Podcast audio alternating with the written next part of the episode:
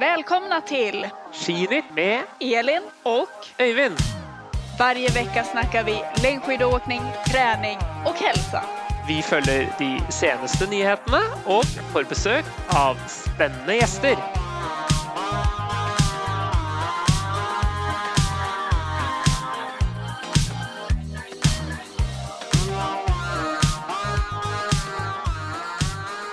Välkomna till ett nytt avsnitt av Skidnytt. Idag har vi ett lite allvarligare ämne på agendan, nämligen ätstörningar. Men först så ska vi ju se vad som har hänt i veckan. Tjena Öyvind! Tjena, Elin. Tjena! vi tilbake igjen? Nu är vi tillbaka igen. Veckorna rullar på. Ja, det gjør det. Det, gjør det. det begynner å eh, bli kaldere i været òg. Det har vært kaldere her i Oslo i hvert fall. Eh, Kjenner at vinteren er litt på vei. Ja du, det har vært askaldt her, kan jeg si, i helgen. Jättekallt. Den fine Østersundsvinden Ja, blåser over Storsjøen. Riktige sånne isvinder. Det er sånn vi liker det, vet du. Da blir det snart snø. Ja, ja, det er det jo. Så er det. Men jeg er faktisk ja, ändå lite glad att jag inte behöver vara ute i fem timmar. Måste jag erkänna. Har du vært, har du vært ute i det hele tatt, da? Ja, det, ja, det hade jag säkert varit. Ja, men altså trent? Vad jag har nu? Ja, ja, den uka. Eh, ja, vad har jag gjort? Ja, men jag har ändå fått till eh, några pass. Eh, ett intervallpass, fast jag gjorde det inne på gymmet för det var ju så jäkla skitväder. Så då körde jag, løpe, løpemølla? nej, men jag körde lite så här olika. Jag körde lite grann skijärg, sen gick jag över på assaultbiken och sen körde jag rodd. Å, hei du, se her, ja. Mm. Det, er, tips vet du, til, der, til lytterne. Ja men Alltså- alltså, assaultbike, har du kjørt intervaller på det noen gang? Nei, det har jeg ikke. Nei, men testa det. Det er så... assault bike, altså jeg vet ikke hva det er for noe engang. Eller altså jeg skjønner En ergometersykkel med noe Eller er det en sånn derre Ja, men sånn det- hvor du driver med Ja exakt, som du drar med armene også. Ellips, som en ellipsemaskin, heter det i Norge. ellipsemaskin. ok. Med sånn store ja. flekk, liksom. for benene liksom. går jo sånn i en sånn De går Jaha, i en sånn ellipse. Nej, nej inte en sån. Det är ju som en cykel fast det är som ett stor fläkthjul. Och så drar du med armarna också. Ja ja, jo, men du drar med armen også. Ja, jeg tror det er ellipsemaskin. Men ok, det kan noen ar- arrestere meg på. Dere får sende inn eh, til podkasten hvis, uh, forklare hvis jeg sier feil. Jeg tror det, jeg tror det heter ellipsemaskin. Ja, men den i alla fall. Den tycker jag är så brutalt jobbig. Jag tror nog nästan jag var uppe i 190 puls. Så Ja, ja. tips, tips!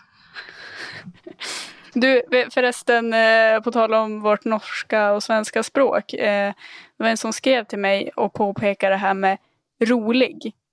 At det kan bli litt misforstånd mellom Sverige og Norge. Veldig, veldig. Den er eh, Ja. Nei, så rolig i Norge betyr jo da eh, lungt, mens eh, rolig på svensk, det betyr Ja, da er det jättekul. Ja. Så om vi har varit ute på ett roligt pass, då har vi varit ute på ett väldigt ja, ett pass som är kul. Kul, kul. pass. Men för er är det ju egentligen et ett, pass. ja, precis, ett lugnt distanspass egentligen. Så ja, da har vi oppklart det, så Mm. um, ja, nei, for min del så har det vært ganske ja, stille, eller det har vært jobb, og så har jeg ja, fått trent litt. Um, lørdagsintervallene gikk i boks på i går med Magnus i vogn. Fem ganger fire minutter i Grefsenkollen. Så det var bra. Nykt. Formen var ganske bra, faktisk. Ser du noe här äh, typ langt du kommer hver intervall eller så, eller ser du typ Ja, ja, ja. noen forbedring? Ja, vi, vi, vi starter ja, vi starter hvert drag samme sted hver gang. Mm. Så det er alle muligheter for å finne ut hvordan, hvor langt man kommer. Og Mm. denne gangen så var vi en ganske bra gjeng. Eh, Blant annet eh, bronsevinner fra VM, Mari Eide, mm var med. Og, ja, så vi var, vi var fem-seks stykker, så det var morsomt. Men det, Men Magnus, Magnus slo meg med en halvmeter som vanlig. som vanlig. Men jeg tenkte på det, det kommer jo bli jobbigere og jobbigere også, med tanke på eh, Magnus vokser jo. Han kommer jo bli tyngre og tyngre. Absolutt. Det, der, det er ikke sikkert det holder så lenge. Jeg klarer ennå stort sett å holde, holde Astrid bak meg, da. Men uh, det får se om det, hvor lenge det varer. Ja, ja. Nei, men uh, skal vi gå over på hva som har skjedd uh, denne uka, da, uh, Elin? Det tykker jeg. Det har vært ganske stille. I hvert fall på langrennsfronten. Det jeg fant ut eller altså det jeg har så, så mest på her nå, var um, det har vært altså jeg har jo sittet, Det har vært ganske stort for norsk langrenn, fordi det har vært høstmøte i, i Norges Skiforbund, som er for liksom idrettsledere. Det er ikke så stort for løperne, da, men der er det en del avgjørelser som blir tatt, og terminlister som blir diskutert, og helseattester og i det hele tatt. Eh, så der har jeg, det har jeg sittet og hørt på i tre dager. Så det var egentlig ganske interessant. Men det er jo ikke noe som er så veldig opp i mediene på den måten. Så har det også vært Ivar Formos minneløp. Ehm, det er jo, det er jo et terrengløp, eh, og det er jo veldig mange av de. Eh, det som er litt spesielt med dette, er jo at det er for å hedre Ivar Formoe, som vant femmila, så vidt jeg vet, i 1976. OL i 1976 i Innsbruck. Var en stor norsk eh, skiløper som gikk for Lyn, IL, i Oslo. Og han, i 2006 så skulle han gå en treningstur på skøyter gjennom Nordmarka som er skogen nord for Oslo, hvor det er veldig mye ski, skiløp, skiløyper også. Eh, dette var 26.12., altså andre juledag, eh, og det var før snøen hadde kommet, men det var fin skøyteis. Så han gikk gjennom hele Skulle gå fra Mylla helt i nord og løpe og gå på skøyter hele veien hjem til, til Oslo. Og så gikk han gjennom isen. Så en av våre aller mest kjente og største Eh, skiløpere. Så det var veldig tragisk. Og det løpet er da, går da til ære for han, eh, og ble avholdt i helgen.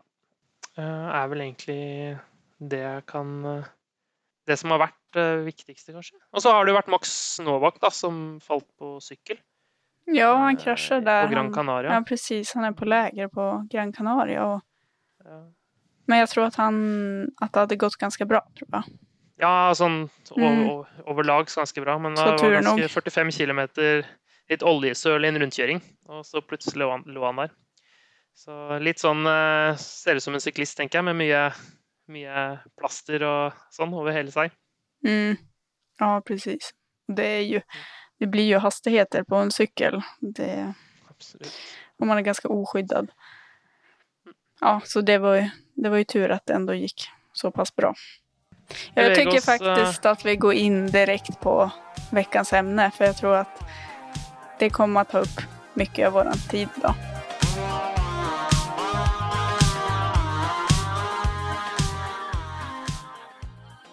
Det er et alvorlig emne og et litt seriøst emne, som jeg håper kanskje at vi kan prøve å belyse eh, og kanskje gjøre litt mindre tabubelagt. Ja, precis. Där har Emilie. Ja, tyvärr så är, förekommer ju, alltså det är ganska vanligt förekommande att ha ett osunt förhållningssätt till mat inom idrotten. Och det är ju väldigt tabubelagt idag. Och det är svårt och känsligt att prata om. Och vi vill ju att det ska börja pratas om det för att eh, det ska kunna ske någon förändring. Så vi kommer ha med oss Emilie Fleten här som gäst idag. Hej Emilie och välkommen till Skidnytt! Hej hej! Sa jag ditt namn rätt nu? Säger du ja. Emilie? Emilie, ja. Men jeg er ganske godt uh, vant til uh, å bli kalt uh, både, ja, med litt forskjellig, både i Sverige og. Ja. Men det er ganske gøy, for når jeg kom til, det er en av de tingene som jeg merka størst. Altså, deres, er det, har jeg rett nå, Elin, men dere sier når det er en E på slutten av et navn, så, så sier dere aldri det. Charlotte E eller Emilie. Nei. Eller altså, dere bare sier em Emily og Charlotte. Ja, og, exakt. Men, så, men, det står jo en E der. Hvorfor sier dere ikke den? bra, bra fråga. ja, nettopp. Det der. Ja, norsken er faktisk altså. logisk mange ganger. Nei, ja, jeg forstår at mange svensker skulle si Emily til deg. Men ja. Eh, det er det at jeg skjønner at, uh, at de mener Emilie, så det, liksom, det, det går veldig bra. Ja, men vi skal gå in lite på ämnet som vi faktiskt ska prata om idag. Eh, du har ju nyligen gått ut med att du har lidit av en ätstörning. Och vi är väldigt tacksamma att du vill dela med dig av din historia här i podden. Det är ju väldigt modigt och väldigt viktigt att prata om. Ja, det er jeg enig i. Eh, altså, jo, takk. Det er jo hyggelig å bli kalt eh, modig. Men for meg er det sånn hvis noen spør meg om om det temaet, så vil jeg veldig gjerne prate om det. fordi for meg så syns jeg det er et viktig tema, og eh, for meg er det ikke noe vanskelig å prate om det. Eh, så jeg syns egentlig bare det er fint. Og så, ja, så blir det jo eh, litt ekstra da når man går ut i media og prater om det der, så det blir litt sånn Ja, plutselig var det out there. Men eh, det, jeg tror det bare er positivt. For, for jeg har jo kjent deg, eller jeg kjenner deg ikke godt, Emilie, men jeg har jo fulgt med deg en stund, og jeg visste ikke at du hadde hatt de, de problemene. Så det er ganske sånn, det, det er ikke så lett, og hvis ikke, hvis ikke, man går ut i mye eller er åpen om det, da, så, så, er det ikke så lett for folk å, å, få det med seg. Nei, ja, men det er nettopp det. For det er liksom eh, For meg så føler jeg at jeg all, eh, har lenge vært veldig åpen om det, men jeg går jo på en måte ikke rundt og liksom sier det liksom «Ah, Hei, Emilie Fleten, jeg har slitt med spiseforstyrrelser. Men jeg er veldig åpen om det hvis folk spør meg. Så, så sånn sett er det jo positivt at eh, det kom ut i media, og så kan man på en måte Kanskje det er litt lettere å spørre meg om det nå, da. Så mm. Under hvilke år var det her? Hvor eh, gammel var du? Jeg var rundt ja, 19. 18 til 20 år, da. Så det var jo i 2011. 2010-2011. Så det begynner jo å bli ganske lenge siden. Men så her i efterhand, eh, hva tror du var grunnen til at du utviklet en ätstörning? Var det prestasjonssyfte, eller var det kroppsideal? Eh, for meg har det nok alltid vært det liksom, ja, typ eh, kroppsideal og det å liksom eh, jage etter å se ut annerledes enn det jeg gjorde da. Så det var definitivt eh, liksom kroppsideal som var på en måte mitt fokus. Det var ikke det å liksom skulle gå fortere på ski eller Det var rett og slett bare at jeg ja, var misfornøyd med hvordan jeg så ut, da. Um, ja, så det var veldig sånn fokus på utseende, og kanskje ikke akkurat hvor, hvor fort jeg skulle gå på ski. Du har jo vært ute med dette her i VG, og, har, og, det har stått en lang artikkel. Eh, men kanskje ikke det er så mange i Sverige som har liksom fått med seg historien din. Så Du trenger ikke bruke veldig lang tid på det, men bare liksom litt bakgrunnen og hva, hva som skjedde? Hvordan, det, hvordan, dette her gikk fra seg? Uh, ja.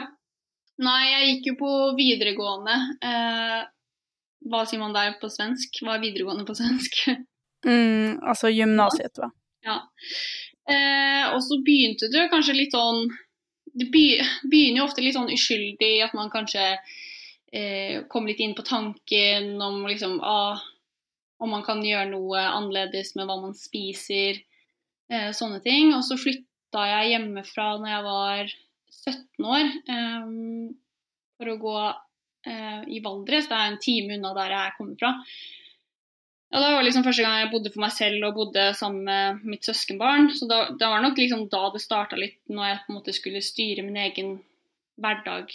Eh, på en måte. Eh, lage min egen middag, ja, styre alle måltider. Og så etter at jeg var ferdig på videregående, så flytta jeg videre til Lillehammer. Og det var vel egentlig da det på en måte eh, utvikla seg veldig negativt. Da det var liksom Eh, var jo ferdig på videregående, skulle liksom satse på ski, begynne å studere. Og ja, hadde mye mer på en måte sånn kontroll over e-, egen hverdag, da. Eh, sånn at det Ja, jeg tror det bare starta jo med at det liksom det gradvis begynte å liksom å teste ut det å spise mindre. Og så var det naturlig at jeg trente mer eh, fordi jeg ble eldre. Eh, og så ble det jo på en måte bare Det er jo det som er så rart, man blir jo på en måte bare gradvis sykere, da.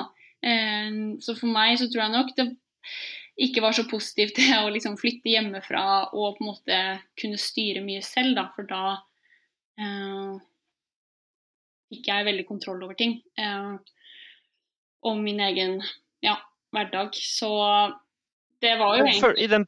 ja.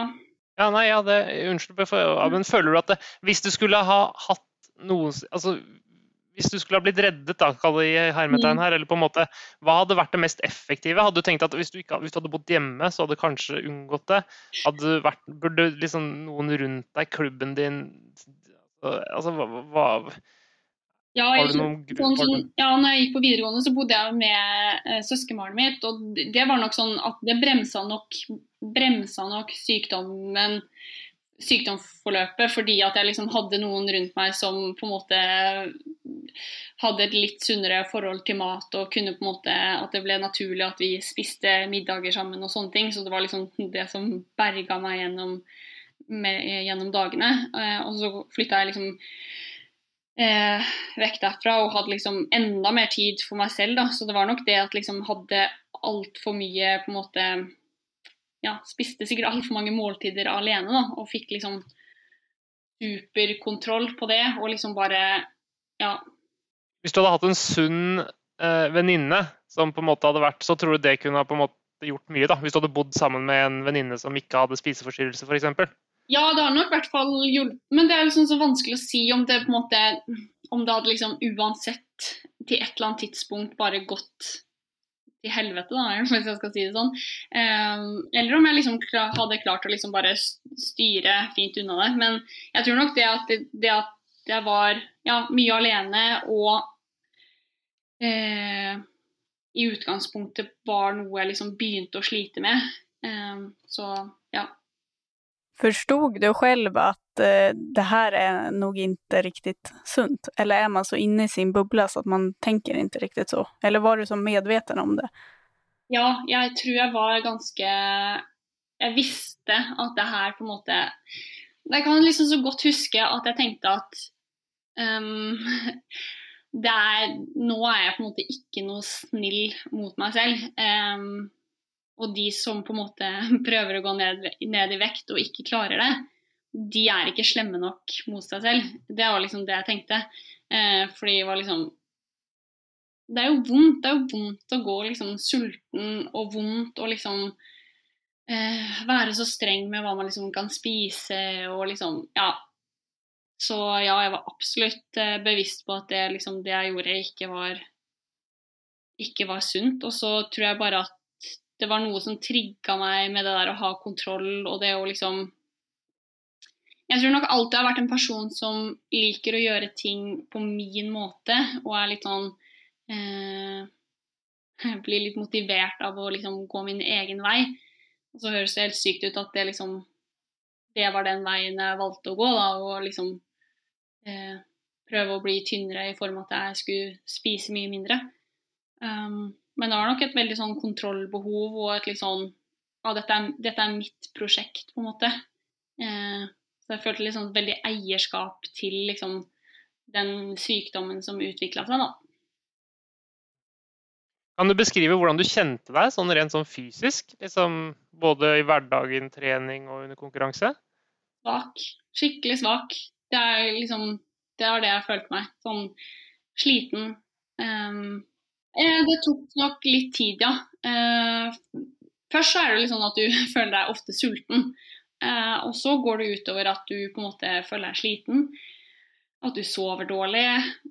Eh, klarer å konsentrere Altså sliter med konsentrasjonen. Ehm, ja. Så jeg husker jo liksom det bare eh, At jeg eh, begynte å fundere på om jeg hadde dårlig syn. Eh, fordi at jeg sleit litt hvis jeg satt eh, rett ovenfor noen. Altså typ sånn som jeg sitter nå og ser i skjermen på dere. Hvis, hadde, hvis vi hadde sittet liksom i samme rom, så hadde jeg på en måte eh, slitt litt med å se tydelig da, på folk som satt nærme meg. Så jeg tenkte sånn, ja, men det er sikkert fordi at jeg begynner å slite med at jeg har dårlig syn. Eh, men det var jo bare fordi at kroppen var helt i Den hadde jo ingenting, ingen energi, liksom. Så ja. Det var jo en Gikk du tom på, gikk du tom på økter og sånn, eller var det bare sånn at du var tom hele tiden? Så det var liksom ikke noe å gå tom på, eller hvordan var det sånn Ja, jeg gikk tom på økter, ja. Veldig tom på økter. Og det var jo liksom kanskje det som etter hvert var litt sånn frustrerende, fordi jeg kjente at det var liksom så tungt. En ting er liksom sånn at jeg sleit på, på måte studiene, at jeg liksom ja, sov dårlig. Men når det begynte å gå utover treninga, så var det liksom sånn OK, men jeg vil jo gå fort på ski. Eh, og det var jo det som var så frustrerende, og det var nok derfor jeg liksom spurte etter hjelp etter hvert, da, fordi eh, jeg kjente at jeg, jeg klarte jo ikke å trene det jeg hadde lyst til eh, når jeg hadde holdt på sånn, da. Så, så det var du som altså, du, vi- Det har du også fortalt i den VG-artikkelen, altså, en kommentar fra Pål Golberg, Mm. landslagsløper nå på sprintlandslaget, var eh, utløsende, da, som du da fikk via høre via din far eller et eller annet. Men var det det som gjorde eller hvordan på en måte, Og da søkte du selv hjelp, eller hvordan fungerte det Mm. der? Jeg søkte nok kanskje Jeg søkte hjelp før Pål eh, kom med den kommentaren. Um, så jeg var, no, jeg var jo på en måte i den prosessen allerede. Men det at liksom Pål eh, kom med den kommentaren, var jo veldig sånn eh, Jeg husker jo det godt fordi jeg liksom, ble jo kjempestressa. Og det liksom eh, var jo første gang noen utenfra liksom familien da, som på en måte eh, kom med en kommentar. Og det var liksom ikke sånn en kommentar der sånn Ja, Emilie har blitt så tynn, eller sånne ting. Det var liksom bare sånn Nå må noen snakke med Emilie, fordi hvis ingen andre gjør det, så kommer jeg til å gjøre det. Eh, og det var det som på en måte var litt sånn Ja, OK, jeg har det jo Jeg er jo syk, og nå ser andre det, så nå er det liksom Må jeg på en måte Ja. Og det at Pål liksom sa noe, det var liksom sånn Ja, da, da må jeg i hvert fall ta det på alvor, da. Men, men var det sånn at du, du, hvis du da litt tidligere enn det på en måte hadde begynt å innse at du trengte hjelp, eller gått, hvor gikk du hen da? Hva, hva gjorde du? Du på, gikk du til treneren din? Gikk du til foreldrene dine? Gikk du til, begynte du å spise med, ta deg, tok deg sammen selv? Gikk du til en venninne? Nei, jeg sendte en mail til Britt Baldisol. Hun var trener på juniorlandslaget eh, da. Eh, så jeg hadde møtt henne på noen åpen juniorsamling, den som pleide å være på Natterudstilen. Um, så jeg sendte mail til henne faktisk eh, og spurte om hun hadde liksom Om hun kunne på en måte knytte meg opp til noen i, i Olympiatoppen eller noe sånt. Så det var jo hun som fikk meg videre da, inn i systemet. Der. Men sa du der, når du sendte den mailen, når du trykket på send på den mailen, liksom, jeg har problemer, liksom, var det tøft og vanskelig, eller? Ja, jeg husker jeg hadde hatt et lite breakdown før det.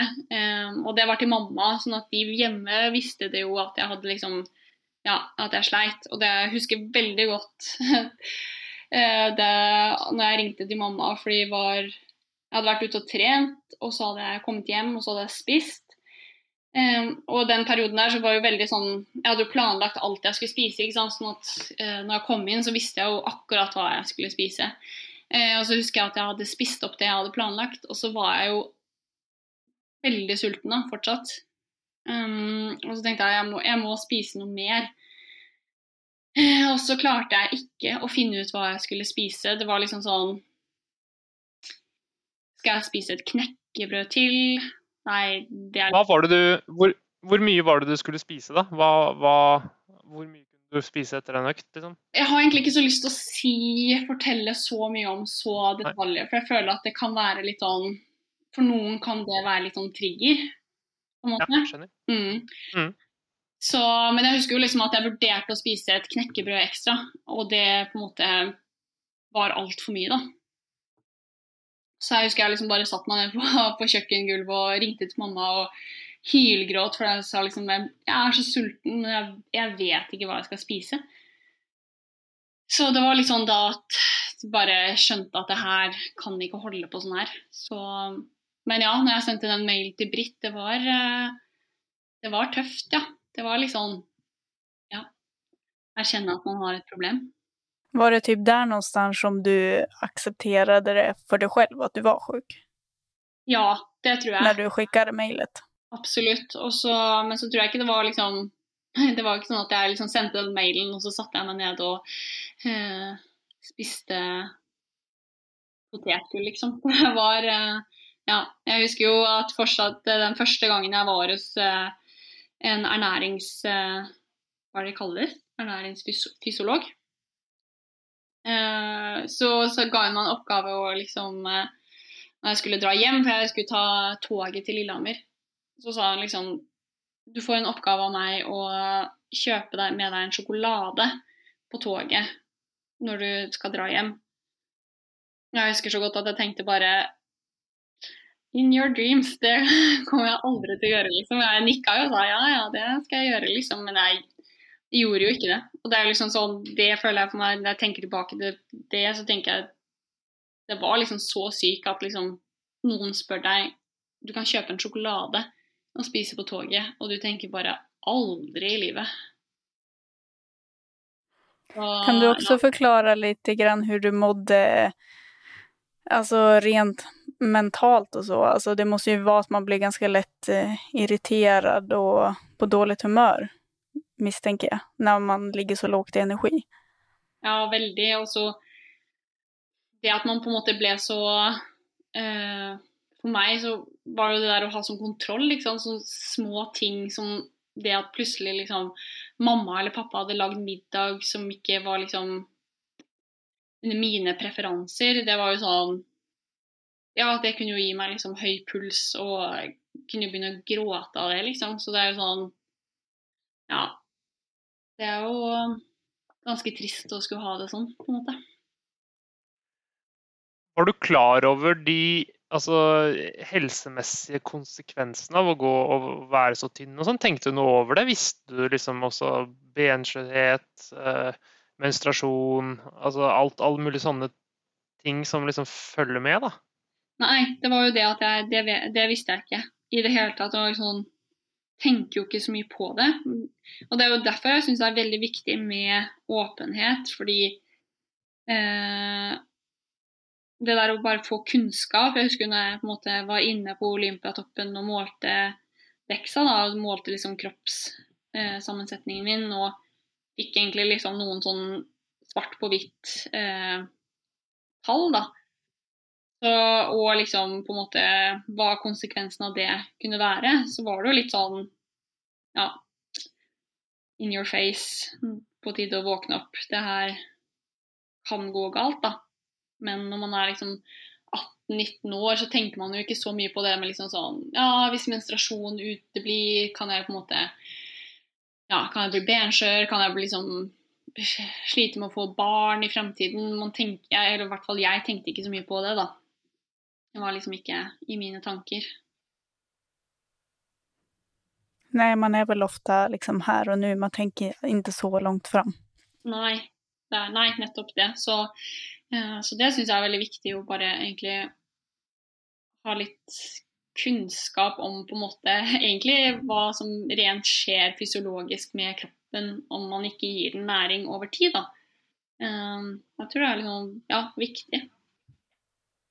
Jeg tror det er kjempeviktig at få ja, at folk forstår konsekvensene som kan, som kan bli rent mm. fysiologisk.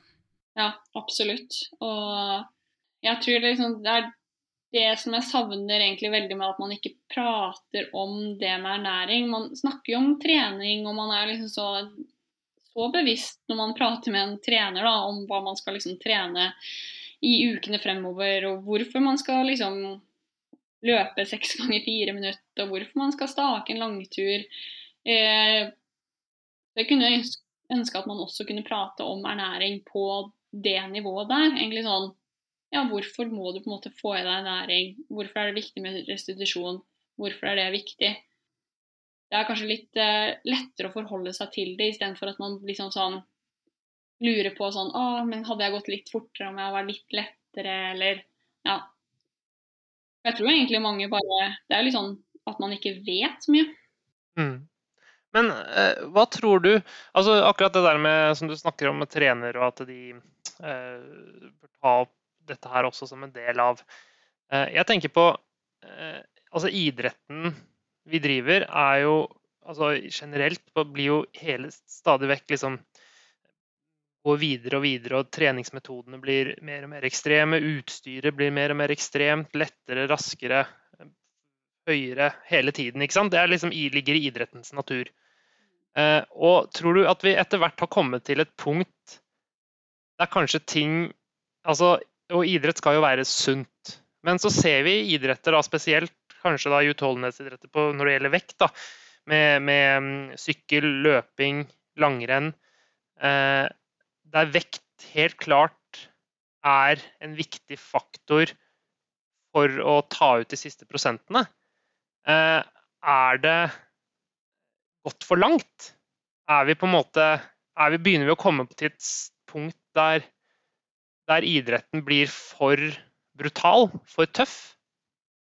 Jeg skjønner veldig godt hva du mener. og Vi snakka litt med det med Pål om det når jeg eh, var og traff han sist i Oslo. Det at liksom Ja, ting blir mer ekstremt. At yngre utøvere trener liksom mye mer ekstremt enn det kanskje man gjorde på den samme alderen for noen år siden.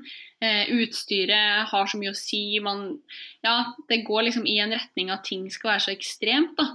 Så jeg er helt enig. Jeg er litt, sånn, ja, litt bekymra for den utviklingen der, på en måte. Så nå kjenner jo ikke jeg til så mange liksom, yngre miljøer og er liksom ikke kjenner ikke så mange unge utøvere, så det er litt synd egentlig. Så jeg vet på en måte ikke helt hvordan miljøet oppfattes blant de unge. Da. Eh, og det kunne vært litt spennende å vite.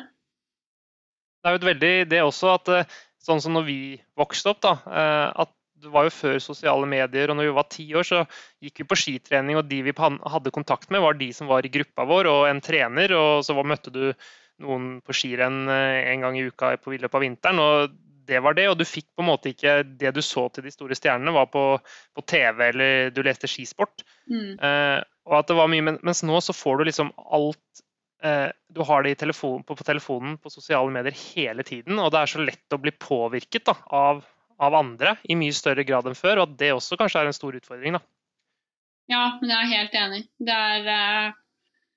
Ja, jeg vet ikke hvordan jeg hadde takla det å vokse opp med sosiale medier. Fordi Fy søren, det er mye påvirkninger fra Instagram spesielt, da. Og det er liksom, ja Se bilder her og Ja, det Jeg tror det er ganske tøft å vokse opp. Ja, det, altså det, ja jeg misunner ikke de barna, både barn og voksne, altså, som, skal, som skal klare å, klare å passe på at ikke det der tar helt overhånd. Eh, en annen ting jeg lurte på om jeg skulle spørre deg, eller som jeg skulle spørre deg om, Emilie, var Eh, altså, jeg også er jo eh, Har jo altså, presset vekten, eller, eller eh, i hvert fall tunet vekten til skirenn på vinteren. Eh, jeg vet ikke, jeg har inntrykk av kanskje gutter generelt er bedre på det enn Men jeg føler aldri at jeg har mistet kontrollen, men jeg på en måte vet at når, det, når skisesongen Jeg veier Jeg har alltid veid litt mer på sommeren, og eh, på høsten så prøver jeg å gå ned. Eller i hvert fall ikke alltid, men de siste seks-sju årene når jeg var profesjonell skiløper, så gjorde jeg det. Eh, men jeg hadde under, under kontroll. Men altså, hvor er det den grensen går mellom det å ha kontroll og ikke ha kontroll? Jeg vet ikke hvordan du gjør det i, nå, men kanskje du har et forhold til vekt, at du på en måte prøver å være tynnere eller lettere når det er de viktigste konkurransene. Nettopp fordi at det er en fordel ved å være tynn, men så går man opp igjen i andre perioder. Ja. altså Den balansegangen der. Ja, den, ja, det er jeg helt enig i at jeg opplever som på en måte kanskje stort sett er litt lettere for gutter da, å gjøre det. Men det tror jeg jo er vi, fordi vi er rent fysiologisk eh, forskjellig skrudd sammen. At jeg tror det er kanskje lettere for gutter å gå opp og ned i vekt enn kanskje det er for jenter. Eh, nå skal ikke jeg si det helt for sikkert, da. Eh, Litt fordi at gutter har vel naturlig mindre fett enn det jenter har. Er det ikke sånn? Jeg tror det. Eh, men ja, eh, jeg tror nok at jeg tenkte mer på det før jeg begynte med langløp. At da var jeg litt mer sånn Ja, men jeg må prøve å på en måte mm, kanskje gå ned et par kilo før sesongstart. Um, Egentlig helt til jeg prata med uh, hans uh, Altså Stadheim, treneren til Andrew, uh, og han sa litt til meg bare sånn Ja, men to kilo på vekta, det kan jo hende at du For alt vi vet, så går du ned ett kilo i fett, og så går du ned ett kilo i muskelmasse. Fordi hva er liksom det tallet på vekta? Det, du vet jo ikke det helt det, på en måte. Eh, og si du tar av deg én kilo i, i muskler, da, da er liksom sånn da da går du jo egentlig ikke noe fortere på ski, selv om du på en måte veier to kilo mindre. Eh, og da fikk jeg litt sånn Ja, det er jo sant. Eh, uh, og jeg husker jeg snakka med en trener, en som er trener på av, et av Elon-lagene her i Norge, altså de regionlagene. Og da snakka vi litt om det, da. Liksom, ja, om utøverne skulle liksom gå ned et par kilo før de viktigste rennene. Og da sa jeg jo det, at liksom sånn Men har du kontroll på det, på det? Eller er det liksom bare tall på vekta? Vet du at liksom det er to kilo i fett, eller er det liksom verste fall da, så går du ned to kilo i muskelmasse, da, og så, veier, og er det liksom like mye fett på kroppen. Det er sånn, Så ender du opp egentlig med å gå saktere på ski. Da. og jeg tror liksom det er litt for mange som har det fokuset der. bare sånn ah, Før sesongstart, nå skal jeg liksom gå ned i vekt, jeg skal liksom gjøre det siste. Og så har du ingen plan med hva du spiser, eller hvordan du gjør ting. da, så liksom tror jeg egentlig du bare gjør det verre for deg selv. da. Um, Mm. Men, Nei, men det, er, det, er, veldig interessant. For, mm. fordi jeg tenker bare at det, hele den diskusjonen her er liksom, altså begynnelsen på den åpenhetsdebatten Eh, vi kanskje har, ønsker å få. Da. Mm. Og det er jo det at de på toppen som ofte setter eh, standarden, eller som på en måte er i sosiale medier, og som de unge ser opp til, mm. de, er, de, er, jo på veldig mange av de, i hvert fall det inntrykket jeg har, er at det er veldig mange, og inkludert meg selv, at det er på en måte at du er litt tyngre på sommeren. Og så går du ned til vinteren når du skal være viktig skirenn. Og så på en måte har de aller aller fleste har jeg inntrykk av, også kontroll på det. Men ikke sant, når Emil Iversen går rundt på sommeren og på en måte ja, jeg er så kjempefeit, og dette her på en måte Hvordan skal dette gå, liksom? Og så, og så på en måte eh, uten, Jeg vet ikke han, altså, hvor mye han faktisk går opp, eller om han går opp i det hele tatt, men, men det er jo helt, det, er det inntrykket man får. Mm. Eh, og jeg er ganske sikker på at det er på en måte det, jeg tror det er flere som gjør det enn som ikke gjør det, eh, og har et slags forhold til vekt. Og at jeg mener at det er en del av det å toppe formen. Eh, men selvfølgelig, som du sier, så må man gjøre det under en kontrollerte former, og at man må også kanskje være klar over at eh, før du faktisk skal ta ut den siste prosenten, før du er på et landslag eller skal gå mesterskap eller er på helt på toppen av idretten din, så er det ikke noe, det er ikke noe å hente på det. det er, du er mye, har mye bedre av å, å spise nok og, og, og, utvikle deg. da. Ja, og det som jeg tror er viktig, som mange på en måte Jeg føler jo egentlig når jeg snakker med mange skiløpere, så er liksom og jeg snakker om vekt, så føler jeg at folk er liksom De kan ikke nok, da. Jeg har lyst til å nesten kalle folk litt sånn dumme når jeg snakker om vekt med, med enkelte. Fordi det er liksom sånn For det første da, det er det ganske sånn Ja, beitestølen kommer, og du skal liksom tune vekta. Eh, for det første er det ganske vanskelig Jeg tror kanskje det ikke er så Det er vanskelig og ikke så bra å på en måte ligge for lenge på den tuna vekten. De som på en måte gjør det, er jo kanskje inn til mesterskap liksom aller viktigste. Og så må du på en måte opp igjen, da. Um, så jeg føler man ser nesten en tendens til at folk Altså nivået på Beitostølen det er mye høyere enn f.eks. nivået på, i NM, som er i februar. Fordi jeg tror nesten folk liksom tar ut makspotensialet sitt, og så er det vanskelig å liksom holde det. da. Um, det kan jo være Godt poeng, for det har jeg alltid tenkt på hvorfor liksom ofte nivå virker hvert fall som at folk går fortere på Beitostølen, og det er flere jevnt i toppen, mens mm. etter hvert, men at de rett og slett går tom for energi utover altså når man kommer til Ja, fordi du, liksom, du må på en måte velge Du må liksom velge litt, da. Um, uh, hvor du på en måte Hvor du ønsker å ta ut de siste prosentene. Uh, du kan, jeg tror det er vanskelig å liksom velge å ta ut de prosentene fra november til mars, på en måte. Uh, og det er det kanskje ikke så mange som skjønner helt, da. Uh, det husker jeg Andrew sa til meg, han hadde snakka med Ivo Niskanen, og han sa jo det at ja, du på en måte kan jo tyne, tyne ned vekta, men underveis i sesongen så må du på en måte velge at du må på en måte opp igjen også. så er det sånn ja, hvor skal du gjøre det? da? Si du tyner vekta ned til beite og klarer å holde en stund, og så må du opp igjen. Og så kommer NM og egentlig ganske mange viktige renn. Og så har du egentlig Eller du må ikke enten, enten så må du opp igjen, eller så må du, holder du vekta og så går du saktere fordi du ikke har så mye energi lenger. Nei, det, er kanskje det. Noen klarer jo kanskje å holde vekta. Jeg tror det er litt vanskelig, egentlig. Jeg tror, jeg tror det er mye erfaring, erfaringsmessig, i hvert fall min erfaring. Altså mm. Det at noen har gjort dette altså, du, du, de, som, de, som, er eldst og de som har vært i gamet lenge, har ofte en, kanskje en bedre kontroll på det enn litt yngre. ikke sant? Og du må på en måte bruke akkurat som du må bruke erfaring, erfaring, på alt mulig annet, så må du bruke erfaring på det også, på å gjøre det på en riktig måte. Ja, og så tror jeg det er så sinnssykt viktig å få fram at det her gjelder liksom utøvere som har konkurrert i mange år, og som skal liksom gjøre det her til viktige skirenn. Det her er på en måte ikke noe poeng for liksom unge utøvere, da. Eh, og det er jo det som er skummelt når man er veldig sånn eh, synlig i medier. Det er jo på en måte ja, at unge utøvere skal jo leve som en 30 år gammel toppidrettsutøver. Det er jo liksom sånn Det, blir... det er der problemet er. Ja, fordi det er, ikke, det er ikke når du er 17-18-19 år, selv om den sesongen som kommer i år føles som den viktigste du har noen gang, ikke sant? Mm. så, er det, ikke, så man, er det så viktig å tenke at uh, klare å tenke det. Men, men det klarer ikke de 18-19-20-åringene å tenke. Og det er liksom det med hvordan man skal klare å liksom, altså få dem til å skjønne at sånn er det ikke. Da, og at de ikke skal drive med den, den vekttuningen som kanskje mange av de ja, de aller, aller beste. Ikke veldig få, men aller beste som de fleste ser opp til gjør, da. Mm. Ja, absolutt. Nå er jeg enig. Og så der tror jeg på en måte trenere og ja, egentlig særlig trenere har, mye, litt, sånn, har litt ansvar da, til å kunne være åpen om det og snakke om det og ha kunnskap om det. Det er det, det, jeg føler at vi liksom sitter og snakker om her nå. At vi Eh, dette her er vanskelig, et vanskelig tema. Med en gang vi sier vi må være forsiktige nå, vi vil ikke at vi skal mm. sette Altså De unge skal på en måte tro at de må gå ned i vekt til de viktigste til junior-NM, liksom.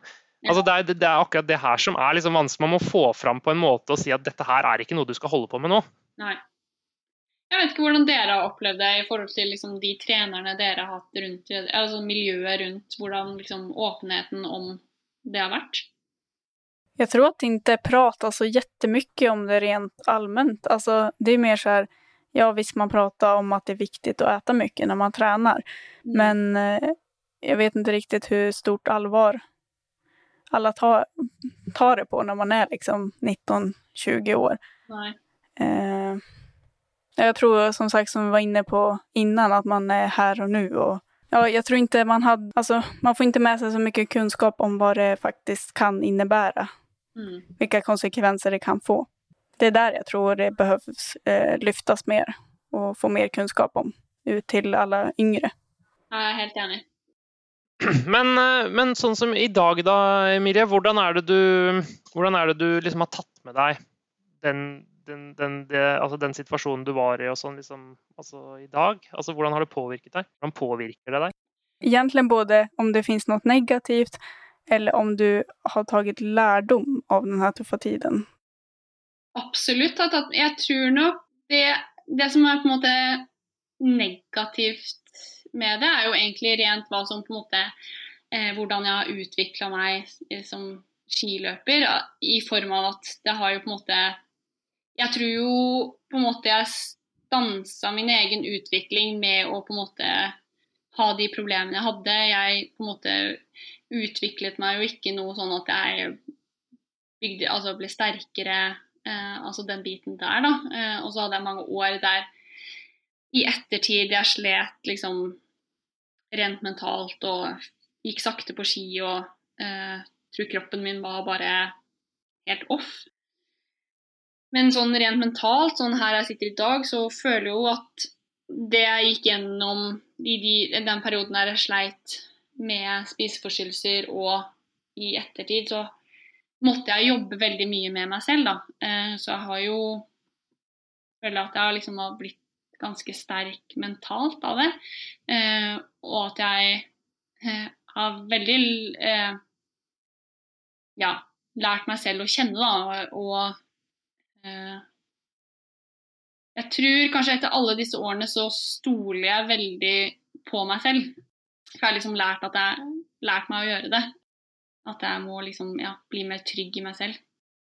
Så i dag har jeg jo et veldig eh, et godt forhold til mat, og jeg er veldig glad i mat. Eh, og så syns jeg at eh, livet som langløper, så tror jeg liksom har enda mer liksom, fokus på det å få i meg nok næring, da. Eh, så ja. Det var kanskje litt dårlig svart, men uh... Nei, jättebra. Hva tror du må gjøres for å altså Vi har vært inn, litt inne på det, da. Men, men, altså Hva må gjøres for å minske problematikken? Eh, hva, altså, vi har snakket om åpenhet, snakka om trenere. Eh, er det noen andre ting du vil si? Er det noe du har lært gjennom din reise som liksom ville ha kunne ha endret ting? Jeg føler jo at jeg ble frisk eh, fordi jeg fikk, eh, fikk, hjelp, og fikk hjelp til å bruke på en måte For det er det jeg tror at den utviklingen vi har med sosiale medier og den påvirkningen vi har da, overalt rundt oss, så det tror jeg vi kommer ikke til å bli kvitt det. Så jeg tror det handler så mye om på en måte hvordan du takler egentlig takler press og takler den påvirkningen. Eh, det kunne jeg ønske at det kommer opp enda mer på en måte i undervisning i skolen og eh, altså at psykisk helse kommer mye mer på agendaen. da. Så jeg tror egentlig, om jeg skal svare på det, så tror jeg det Hvordan man er bevisst på hvordan man ja, inntar informasjon utenifra. Om det gir mening. Både i Norge og i Sverige så har det blitt innført helseattester. Nå både har stoppet Ingvild Flugstad Østberg eh, fra å konkurrere, hun er fortsatt ute. Og Frida Karlsson, hun har også eh, slitt med å oppfylle alle kravene til tider. Eh, tror du Hva tror du den helseattesten Er den bra? Altså, den har jo helt på, helt på toppen av de aller, aller beste har den jo ført til at noen har på en måte har stoppet noen fra å konkurrere. Men altså, nedover i årsklassen, tror du den kan ha noe effekt? Ja, det er jo det jeg føler litt at den helseattesten, den hjelper jo Den har liksom stoppet på en måte noen få utøvere som er liksom helt i toppsjiktet. Og det er liksom, den stopper jo utøvere å konkurrere i, altså sånn, i World Cup, i skandinavisk cup. Men du kan jo enda på en måte Selv om du ikke består den helseattesten, så kan du jo gå norgescup eh, f.eks. Så jeg føler kanskje ikke den er liksom så eh, Føler den rammer kanskje ikke helt der den er liksom burde, burde ramme, da. Um, det var jo sånn når jeg sleit selv, så ble jeg jo anbefalt å ikke gå skirenn. Det var jo ikke sånn du får ikke lov til å gå skirenn. Så det var jo opp til meg selv om jeg ville gå skirenn eller ikke. Har du noen tanker rundt hva som burde Eller hvis, hvis Emilie Fleten kunne vært skipresident eller bestemt, bestemt alt, du, kunne man ha laget noe? Eh, sånn eh, reglement eller noe sånt som kunne ha fungert, eller er det håpløst? Nei, jeg tror absolutt den helseattesten kunne jo funke, men jeg skjønner ikke helt hvorfor den ikke skal gjelde det å på en måte konkurrere i det hele tatt. da. Eh, om det gjelder liksom skandinavisk cup eller norgescup. Det, liksom, det burde Jeg tror, jeg tror gjelder, den gjør det nå. Jeg den tror den, den gjelder. Den, ja, jeg tror det. For den gjorde ikke det i fjor, tror jeg. Nei, jeg, jeg, jeg skal ikke si det 110% men jeg tror at det er sånn at den er nødt, man, er, man, man, er nødt til å ha den også når man er på junior- og senior nasjonalt nivå. Ja, for det føler jeg er ganske stor betydning om den gjør det eller ikke. Hvis man da får startnekt, ikke sant? sånn som Ingvild og Frida har jo et store eh, team rundt seg med leger og mm. alt som er, men, men hva gjør en 15-16-åring fra fra Alta eller Førde eller, eh, eller eh, Fredrikstad, som får en Eller hvor som helst ellers i landet, for den del. Eh, hvor får Hva slags backing får den? ikke sant? Og har man ressursene til å følge opp og, og, og alt mulig sånn? Så det er jo masse ting som er vanskelig ved det også. Det er liksom ikke bare det å innføre helseattesten er liksom, selv er kanskje ikke nok. da. Nei, jeg er helt enig. For min del så var jeg jo veldig heldig at jeg fikk eh, fikk hjelp. Og så samtidig så er det liksom Ja, jeg, jo, jeg gikk jo til psykolog i flere år, og det koster jo penger. Det er jo kjempedyrt. Så det er liksom sånn Det er jo det Det også er jo en faktor, da. Eh, at eh, Ja.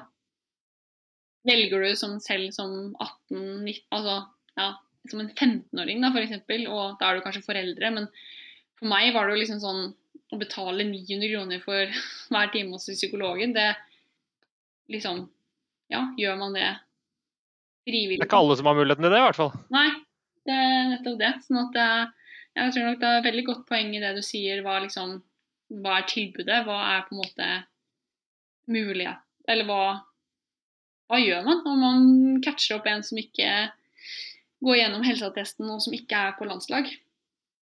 Men jeg vet at dette måte eh, blir tatt opp uh, i noen skikretser, så jeg, jeg, tror det jobbes med. Men uh... Jeg har senest, jeg har senest i helgen vært på langrennsmøte på, uh, i Oslo, der alle skikretsene i, Oslo, i Norge møtes. Og der var helseattesten et tema. Så jeg vet at det, det jobbes seriøst med. Men så er det jo et Vi har et par ting igjen, Emilie. Det begynner å nærme seg slutten her. Men hva skal jo, nå, nå, har vi jo snakket mye om de som faktisk har problemer. Men, men, de som kjenner noen, det er jo enda flere.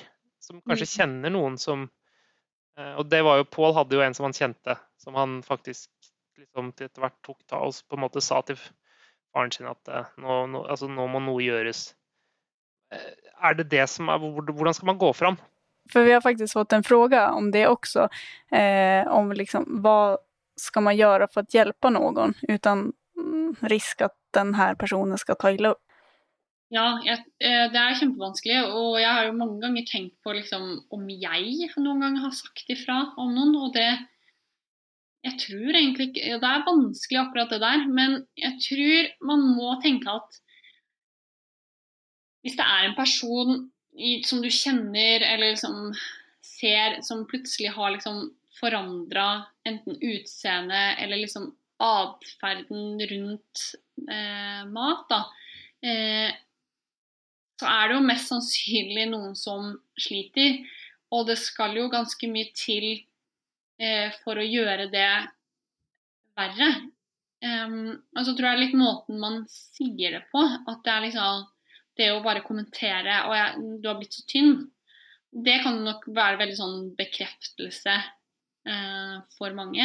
Men det å si sånn jeg er bekymret, 'Nå er jeg litt bekymra for deg', eller liksom 'Nå er jeg bekymra for den personen her' til noen andre.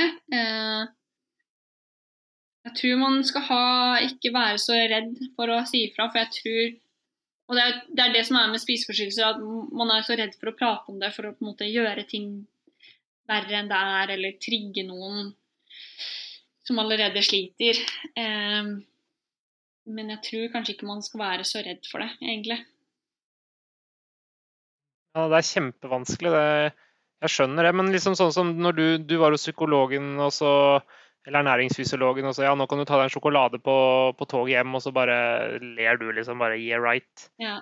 Eh, altså, så det er, det, det er, jo lett at det blir sånn mm. for de også. Altså på en måte ja, jeg er bekymra for deg, og så bare Altså hvordan man liksom skal klare å liksom komme på innsiden av det der. Da. Ja. Uh, og liksom virkelig få den til å skjønne at det er Det er kanskje vanskelig, det er sikkert forskjellig fra person til person hva det er som fungerer, hva som, hva som faktisk Ja, men det uh, tror jeg også at det er veldig forskjellig fra person til person. Uh, og så er det jo ikke sånn at um, selv om ernæringsfysiologen sa til meg 'spis en sjokolade', og jeg sa 'yeah right', så Eh, når jeg kom dit neste gang, så lå det jo to sjokolader på bordet. En til henne og en til meg. Og så sa hun at nå, nå spiser vi sjokolade sammen.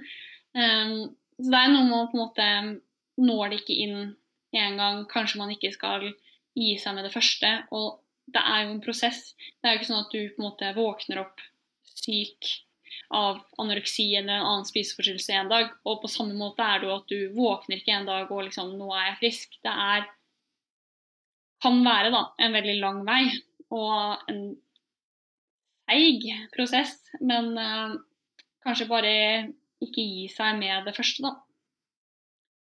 Og så tror jeg det er veldig viktig at det kanskje er noen, hvis man er ja, skimiljø, at det man har jo kanskje en tendens til å liksom, Det man hører fra mamma og pappa, det bryr man jo seg i hvert fall ikke om. Eh, men kanskje andre andre utøvere, det kan kanskje stikke litt dypere, da, om man uh, får en bekymringsmelding fra de. Eh, slutlig fråga, da. Hva skulle du vilja si til Emilie, 17 år? Åh, ja, hva Åh, det har jeg faktisk aldri tenkt på. Ja, hva skulle jeg sagt til meg selv? Prøv å, prøv å nyte livet litt mer. Det er jo det er jo det som på en måte jeg syns er så trist med, med spiseforstyrrelser, er at én um, ting er hva det gjør med kroppen din, og liksom det om man driver med idrett og på en måte man skader en, men det er jo liksom det mentale og eh, hvordan den, en spiseforstyrrelse kan liksom ta så mye plass i livet ditt. da.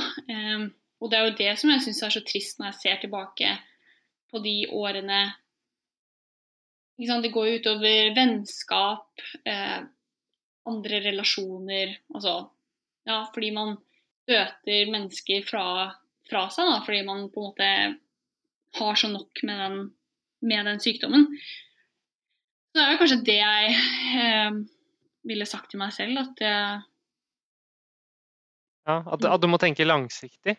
Altså det der at du, må, du tenker at du faktisk Altså Du sier nå kanskje at du, altså man pådrar seg skader som man kan slite med resten av livet, i hvert fall hvis man er uheldig. Mm. Altså At man klarer liksom å tenke at ok, selv om jeg ikke vinner Norgescupen når jeg er 17 eller 18 eller 19, Eh, så kan jeg faktisk være en bedre skiløper når jeg er 25, hvis ja. jeg spiser Absolutt. mat. Liksom. Altså det, jeg vet ikke, jeg tenker at det kan være en, kanskje noe som kan trygge noen, i hvert fall. Hvis, hvis målet å hvis målet ligger på prestasjonsbiten, da, at du gjør det for å, for å gå fortere i skirenn.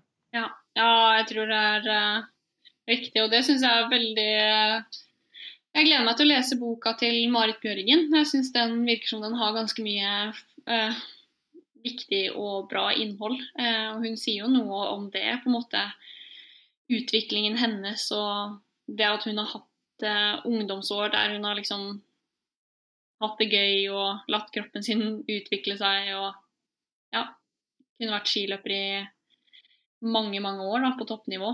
Det, det er nok ikke tilfeldig. Så det er eh, Tenk langsiktig. Tenk at du skal ha et langt og godt liv burde jo være en motivasjon for de fleste. Mm. Takk for at du eh, ville være gjest, Emilie. Ja, takk for at jeg fikk eh, være gjest. Det var uh, veldig hyggelig.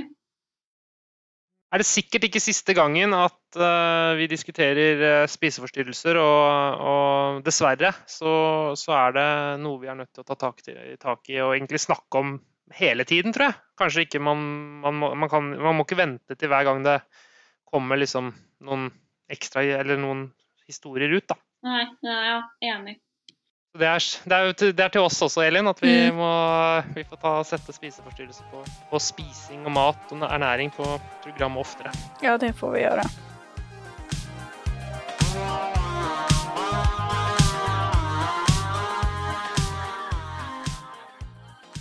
Ja, det var Emilie og hennes historie veldig eh, interessant å få ta del av hennes tanker, tycker jeg.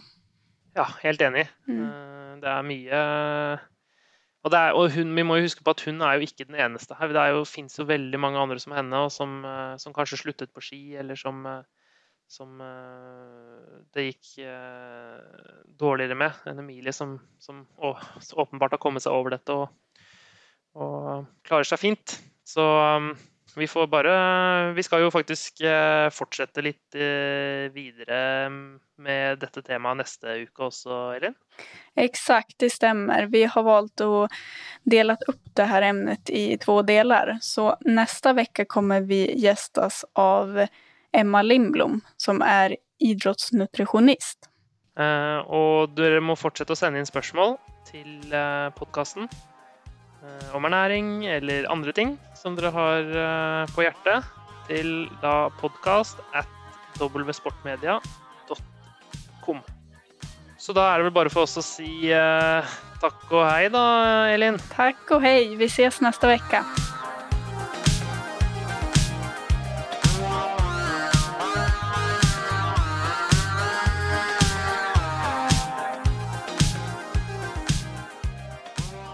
This podcast is a W Sports Media production.